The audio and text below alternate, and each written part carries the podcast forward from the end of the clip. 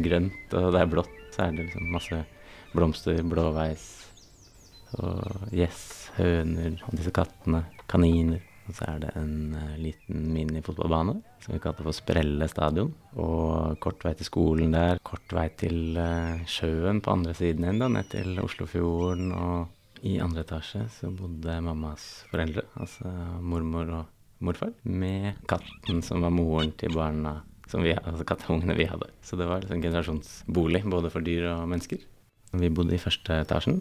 Storebroren min, som er uh, to og et halvt år eldre enn meg.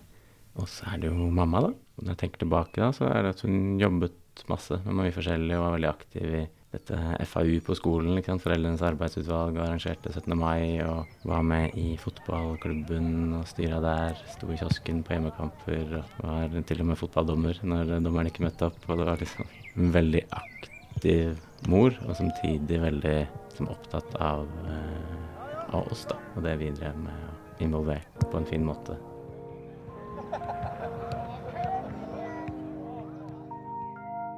Dette er Erik Nakkerud. I dag er han 31 eh, år og snart i havn med sin doktorgrad i psykologi. Og dette var bare noen av alle de vakre barndomsminnene hans. Men midt i denne idyllen, da Erik hadde blitt tenåring, så skjedde det noe. Det var noe med mamma som ikke var helt som det skulle.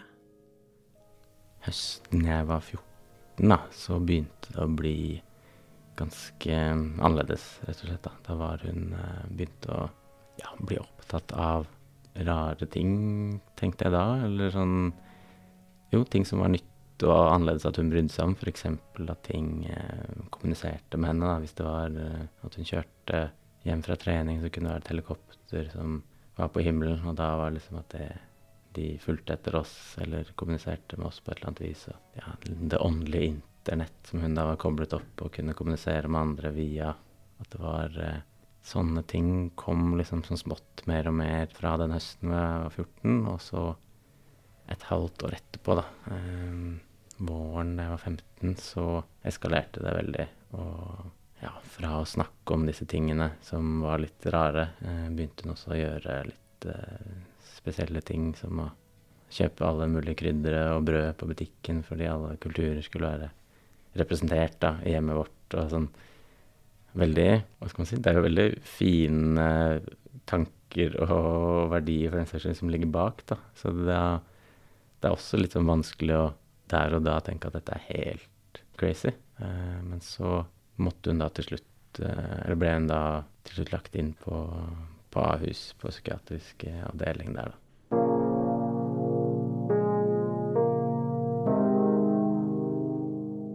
Hvordan hadde du det i det? Hva, hva, så du, og hvordan følte du deg? Jeg husker det som en veldig sånn befrielse da hun skulle få hjelp av noen andre. At uh, vi og jeg skulle slippe å liksom, passe på, da.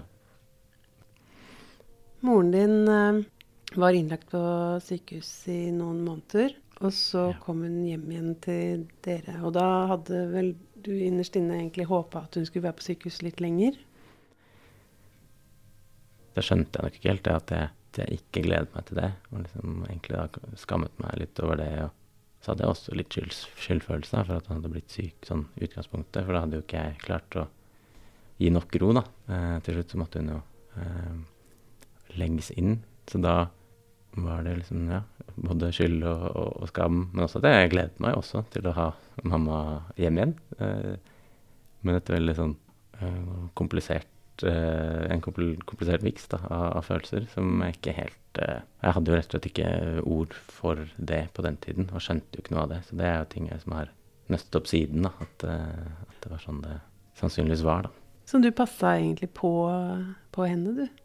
Ja, i hvert fall litt sånn, hva skal man si, følelsesmessig passa på. For det var jo ikke noe sånn at vi måtte lage middag eller stå for handling eller vaske huset eller altså hun var veldig på alt det sånn praktiske og sånn. Så det var, det var, ikke sånn at det skled ut der, og at vi fikk et foreldreansvar eller voksenansvar i den forstand. Så det var mer det der eh, følelsesmessige ansvaret da, som jeg kjente på. At jeg, at jeg måtte være en slags eh, trygg havn på et vis, eller eh, i stabilitet.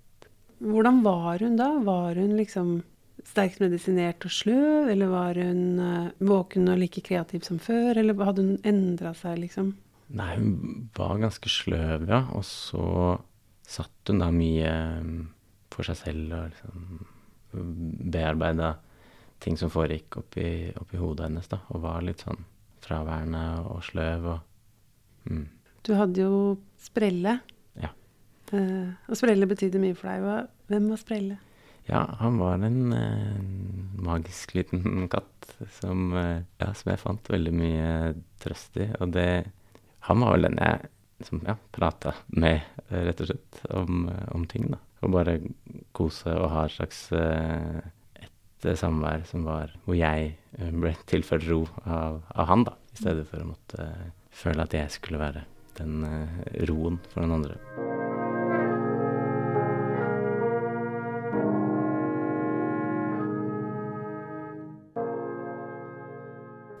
Snakka du noe med noen om hvordan du hadde det? Nei, det var veldig, veldig lite. Da mamma ble lagt inn første gangen, så var det litt eh, Altså det ble merkbart for de på fotballaget, da, trenere og, og, andre voksne rundt, at mamma ikke kjørte til trening eller kjørte til kamp eller var, var med rundt eh, laget. For det var hun jo alltid, som en snakka om i stad, at hun var veldig involvert i, i, det vi drev med. Så var hun også det der på fotballen. Så da ble det merkbart da hun var borte, og da sa jeg først til å begynne med som Nei, hun ja, forkjøla, liksom, influensa, et eller annet sånt. Og jeg ble tatt liksom på senga, og så er jo det talende at jeg ikke klarte å At jeg ville bare holde det på det nivået, da. Eh, og så etter hvert som det da var lenger og lenger at hun var borte, så ble det jo vanskelig å gå tilbake på det, da. Så det hadde skapt meg et lite problem der ved å ikke uh, være helt åpen om, om, hva som hadde skjedd. For det tok jo noen år før du klarte å nærme deg egentlig de erfaringene på en måte hvor du innså at det hadde langt større betydning for deg som menneske. Mm.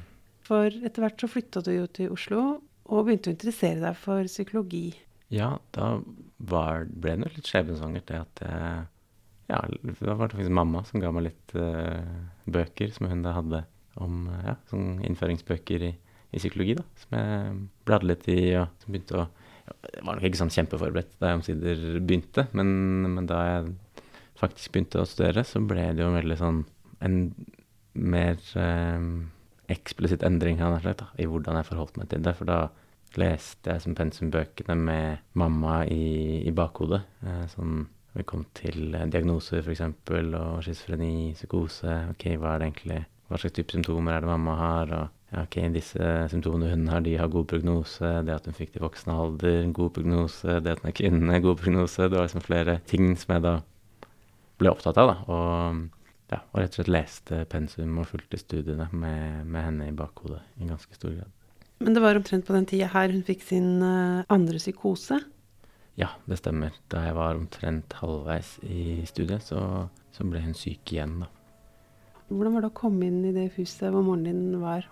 Da var hun eh, blitt ganske syk, rett og slett. Altså, så det hadde gått lengre ganske fort. Eh, så da hadde hun drevet og, og, pakket ned leiligheten, for hun hadde bestemt seg for å flytte til, eh, til Horten. Og gikk rundt i det hun hadde funnet fram av klær som ikke var pakket ned. Og det var liksom en, en grønnsokk her og en blå der, og en, det var mye farger. Og hun var opptatt av at hun var Pippi Langstrømpe og var Særlig det med å se sammenhenger mellom alt mulig rart som ikke er uh, sammenhengende for, for, folk utenfor psykosen. Da. Det, det, var veldig tydelig da, så da var det liksom ikke noe tvil lenger at, uh, at det var på tide å, å dra til legevakta og, og, få sannsynligvis bli lagt inn. Da. Det skjønte jeg jo da med en gang. sånn ja, kyllingen kostet så og så mye, det betyr det og det. Og når i tillegg denne nøtteposen kostet det, så er det vel ikke noe tvil lenger. Ikke sant? Den type ting, da. Um, så da gikk hun etter hvert med på å kjøre til legevakta. Så kommer dere frem til legevakta, og du tror at nå går det fint. Og så går du ut og tar deg en eh, røyk. Og så ser du gjennom vinduet på legevakta at moren din har begynt å showe for noen barn. Da så jeg fra utsiden at her er det jo fullt, uh, fullt show. Så da da kom de stormende og flytta oss inn til et annet, eh, et eget venteværelse. Og da hadde hun jo Og det er liksom viktig å, å få fram at hun liksom har jo da hele tiden en slags tilstedeværelse og, og glimt i øyet, da. For da så hun liksom på meg litt sånn lurt og, og blunka at nå, nå får vi jo hjelp mye raskere. Var ikke det lurt? Så, så da, og det stemte jo det. Da fikk vi jo snakke med lege med en gang, i stedet for å sitte der resten av kvelden.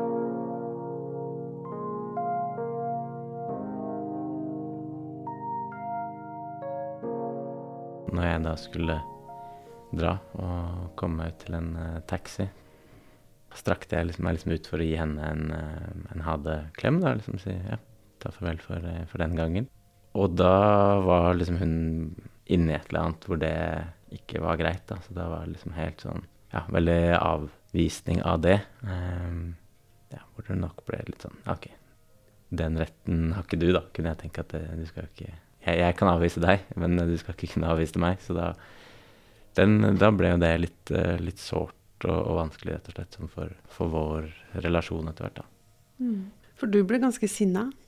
Ja, da, da, var jeg nok mer sånn at jeg ikke helt turte å, å, bli sint, rett og slett. da. Men uh, Så det sinnet, det var litt sånn at det snek seg ut på, på andre vis etter hvert. da, Rett og slett på mye på fotballbanen med slåssing der og røde kort og liksom helt uh, ukontrollert. Da tok det litt tid å, å skjønne det. Liksom, altså det. det. var en, en, kanal han har sagt å få det ut uh, gjennom fotballbanen, og, og sinne der, men også veldig sånn uh, mye mer drikking og festing enn en ellers, da. Um, som er veldig Ja, det var liksom merkbar forandring også når, når jeg ser tilbake på det. At Det var også en måte å håndtere det på. Um, sånne, hva skal man si, dysfunksjonelle måter å løse ting på føles jo ikke så dysfunksjonelt når man står oppi det. Så det, ja. det er en scene der du beskriver, og det er ganske tidlig i boken din, så mens du holder på å fortelle liksom, om barndommen din og oppveksten din, uh, så går du plutselig til, uh, til, nåtid, og så skriver du at du har fått en mail fra mammaen din som uh, er helt grei, egentlig. Den står 'hei, hei' og Uh, hun forteller at hun har lest og transkribert en samtale dere har hatt. Og, um, men da begynner din hjerne da å koble inn Oi, hei, hei. Pleier hun å si det, egentlig? Og hun skrev den sånn etter klokka to på natta. Er hun, vei, er hun, er hun på vei inn i en psykose? Altså at du begynner å problematisere det, da. Og det er jo egentlig et godt eksempel på hvordan du på en måte opererer i en sånn slags hjelper, øh, psykolog, en som skal være empatisk og se henne, framfor å liksom se hva det gjør med deg, da. Eh, og det tenker jeg er noe som du også gjør til et tema, og som jeg, synes, som jeg tenker er viktig, da. Og det er det som handler om ansvar. Så hvem har ansvar for uh, den syke? Hvem har ansvar for barnet? Og i ditt tilfelle så er det jo nesten som om det er du som barn, og også som voksen, som er den som tar ansvar. Er du enig i det? Ja og nei. Altså, jeg enig, fordi det er så sterkt at det er sånn det At det oppleves så sterkt som det, da. Og så er det også til en viss grad noe jeg har Altså at jeg har gjort det, er jo helt uh, sikkert, tenker jeg. Og så er det litt mer usikkert hvor stort behovet egentlig har vært, da. Uh, og at til en viss grad har det vært behov for at jeg skal ta det ansvaret for mamma, og liksom være en, en stabilitet for henne. Men så er det også nei som svar på spørsmålet ditt, i den forstand at det ikke vært så stort behov for at jeg skal ta det ansvaret. Det har også vært noe jeg har gjort nettopp fordi det er lettere på et vis da, å tenke på andre framfor meg selv. At det blir en sånn Ja, sånn som med den mailen, da. Så er det litt sånn um, unnskyldning for ikke å kjenne etter seg selv, nærmest. ikke sant? Og tenke at ok, oi, dette er noe gærent med mamma. Nå, nå må jeg finne ut av det og, og, liksom håndtere det. Og når det ikke er, er det, da, så, så finner jeg, slår jeg meg kanskje til ro med det. Mens det jeg egentlig burde ha funnet ut av da, som jeg føler liksom har funnet mer og slett, er jo liksom at ok, hva, hva, er det jeg driver med nå, da? Ikke nødvendigvis skulle finne ut av hva mamma driver med. At det kan bli en litt sånn avsporing på et vis, da, som, eh, som ikke er så nyttig i lengden. Det å, hva skal man si, se det, da, at, uh, at det å ta ansvar er ikke bare det jeg har gjort for mammas del, men også litt uh, for min egen del, det, det har jeg jo kunnet se pga. måten vi har jobbet med denne boka på. At hun har hatt anledning til å komme med sitt perspektiv og liksom korrigere. og litt sånn, ja, men At hun kan f.eks. kunne ha sagt at ja, at hun skjønner at det er sånn jeg har hatt og som ser det veldig godt, men kan også si sånn Men jeg tror ikke jeg trenger at du passer på meg så mye lenger, eller sant, og, og korrigert det litt, da. At eh, kanskje du passer på mer enn du trenger, eller tror du passer på mer enn du gjør, eller eh, Som har vært veldig fint for min del å få liksom, korrigert på et vis, rett og slett. da. Men sånn som du snakker om det nå, så høres det jo nesten ut som om når hun sier det, at hun både gir deg på en måte litt fri, samtidig som hun nå egentlig gir deg en litt vanskelig oppgave, og som er å vende blikket inn, da, for din del. Mm. Og det, det er jo vanskeligere, og heldigvis litt lettere uh, nå som vi har jobbet med denne boka sammen, da, for da er det lettere å snakke med, med mamma om mine ting også, uh, for å si det sånn, da. Fortell om hvordan det samarbeidet begynte. Var det bare sånn uh, at du kom hjem en dag og sa 'Hei, mamma, skal vi skrive en bok sammen?' Det er jo viktige ting vi har opplevd og greier. Eller hva skjedde der? Nei, det begynte en bil Vi skulle besøke noe familie, hyttetur, og så ja, har jo hun prøvd å skrive litt om psykosene sine og, og rundt det tidligere, uten at det liksom har blitt eh, bok av det nødvendigvis, men at hun liksom har hatt eh, prosjekter rundt det. Og så begynte vi da etter det å ta opp eh, samtaler sammen, da, som begynte med at jeg skrev en hva skal man si, en liten inngangstekst til samtalen om et minne eller et uh, tema eller noe sånt, og så snakket vi sammen med utgangspunkt i det, da. Og kom da inn på ting som var uh, nytt for oss begge og, og, veldig viktig å snakke om. Og da skjønte vi nok at det her kan liksom bli et eller annet, da. Så da, da ble det til at jeg skulle skrive, det, skrive om samtalene på et vis, da. Eller bruke samtalene som utgangspunkt for, for en tekst hvor jeg skulle føre ordet. Du har uh, med et uh, utdrag fra en av de samtalene i boka, og sånn jeg leser det, så er det den passasjen som handler mest om det du kanskje har gått og lengtet etter, og som er å få en eller annen form for unnskyldning. Um, men det er som om det skjer noe med deg i den samtalen, og med din forståelse av hva et unnskyld innebærer.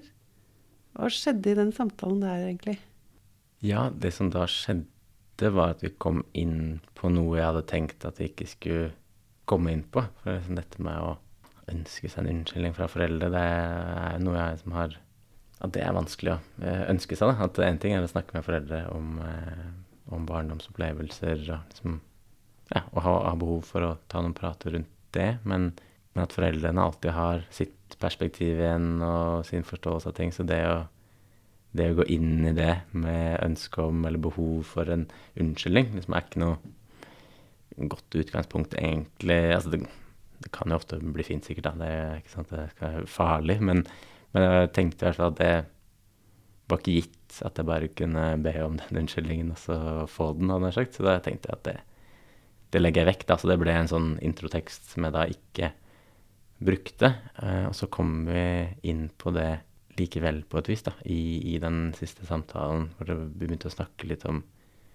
ja, det å ta ansvar for ting og, og ja, etter hvert liksom peila inn på, på, det å si unnskyld, rett og slett. da, Som ble en sånn ting vi måtte diskutere litt fram og tilbake. Og måtte forklare litt på et vis da, hva, hva jeg tenkte at var viktig med, med en sånn unnskyldning. Og, og, så ble det vel litt sånn som jeg da eh, holdt på å si hadde vært eh, mot. At det er ja, at vanskelig for mamma å, å si helt unnskyld uh, på den måten jeg trengte, kanskje. Da, for at uh, for henne så er jo dette en del, eh, en del av hennes livshistorie igjen, og det å på unnskylde det blir også feil, da, som jeg også skjønner, skjønner, veldig godt, rett og slett. Så det, så det ble ikke noe sånn eh, kjempebra unnskyld, kanskje, men en viktig forhandling eh, likevel, da.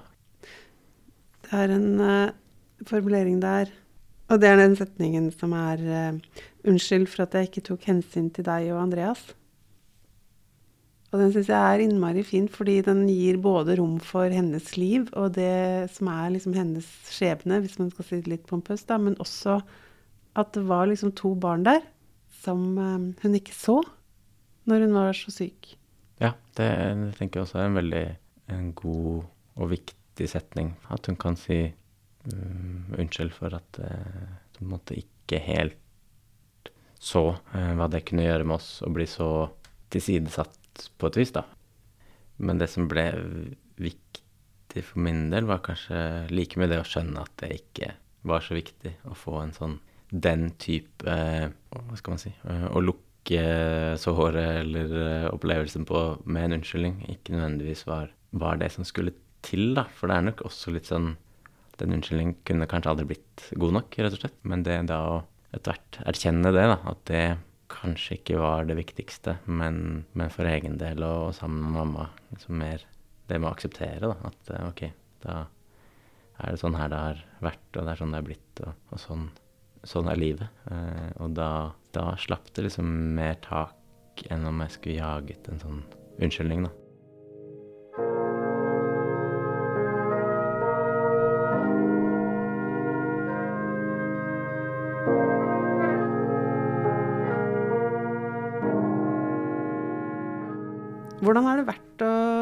Skrive så personlig om så nære erfaringer? Det har vært ganske slitsomt til slutt, altså. Um, for det blir jo tatt liksom tilbake, sånn at det på ett vis blir å, å, å gjenoppleve det. En annen ting som også da har vært litt Eller som har gjort det slitsomt, er jo den uh, forsøket på å formidle noe til, til noen andre. Som er dette verdt å, å, skrive om, og passer det i en sånn fagbokkontekst, og hvordan liksom, få dette til å henge sammen, så det ikke blir en sånn Det er liksom jeg tenker på som en sånn lidelseshistorie, da, som jeg også kjenner veldig når jeg prater om nå. Liksom, å, herregud, jeg har, ikke, jeg har ikke lyst til det. Eh, det skal bli en sånn hjertesmertefortelling. Og så er det jo litt det eh, likevel. Altså, det, det må det jo være, da. Men det det ubehaget knytta til at det tross alt er det, da, og hvordan det skal leses av andre, det har jo også gjort at det har vært slitsomt, da. Men, men det, er jo en veldig personlig bok, og også en nesten sånn terapeutisk bok, altså sånn som Madsen snakker om da, med den terapeutiske kulturen, at, at man forteller så åpent om ting og tanker og refleksjoner og analyser som man kanskje ellers ville tatt med seg til en psykolog. Og nå står det i denne boka. Hvordan oppleves det for deg? Hva tenker du om det? Det tenker jeg på et vis at det er fint, i den forstand at jeg eh, ikke er så veldig åpen, egentlig, med, med de rundt meg om, om, det her. Så da ligger det liksom uh, ute. Så jeg blir tvunget litt til å Jeg kan ikke kan ikke unngå det mer, rett og slett. Um, men det tenker jeg også er potensielt litt dumt, fordi Ja, for jeg er usikker på det der med å være så veldig åpen Den åpenheten rundt psykisk lidelse som jeg snakker om, at det er mye mer åpent nå enn det var før. Så er jeg litt redd for liksom, at den åpenheten i, i, media, for å si det sånn, da, ikke nødvendigvis gjenspeiles i hvordan man er åpen med folk i nære relasjoner. Da, venner, familie jeg tror ikke det er sånn at det automatisk åpner seg på, på alle fronter, bare det er mer åpent liksom, i, i, media. Det er der jeg også blir usikker på, på dette prosjektet på det eller liksom den måten å, å fremstille på. Er det, er det bare en sånn uh, Sitte her i denne podkasten eller i boka og være åpen om det, men så kommer jeg ikke til å være det med andre, eller, eller mellom mamma og meg i prosessen. Ja, vi klarte å være liksom, åpne hverandre rundt uh, rundt prosjektet når det var en bok som skulle skrives, men, men hvordan blir det etterpå? Er det liksom ja, er det tatt tilbake til sånn det var, nær sagt, og at det er en, ja, en litt sånn fare, tenker jeg, at uh, nå er det så åpent at da kan jeg liksom glemme å, å, holde det fortsatt åpent. da, At det er nok en sånn åpenhet som må vedlikeholdes og, pleies litt, da, tenker jeg. At det er ikke sånn at, um, at det er gjort en gang for alle.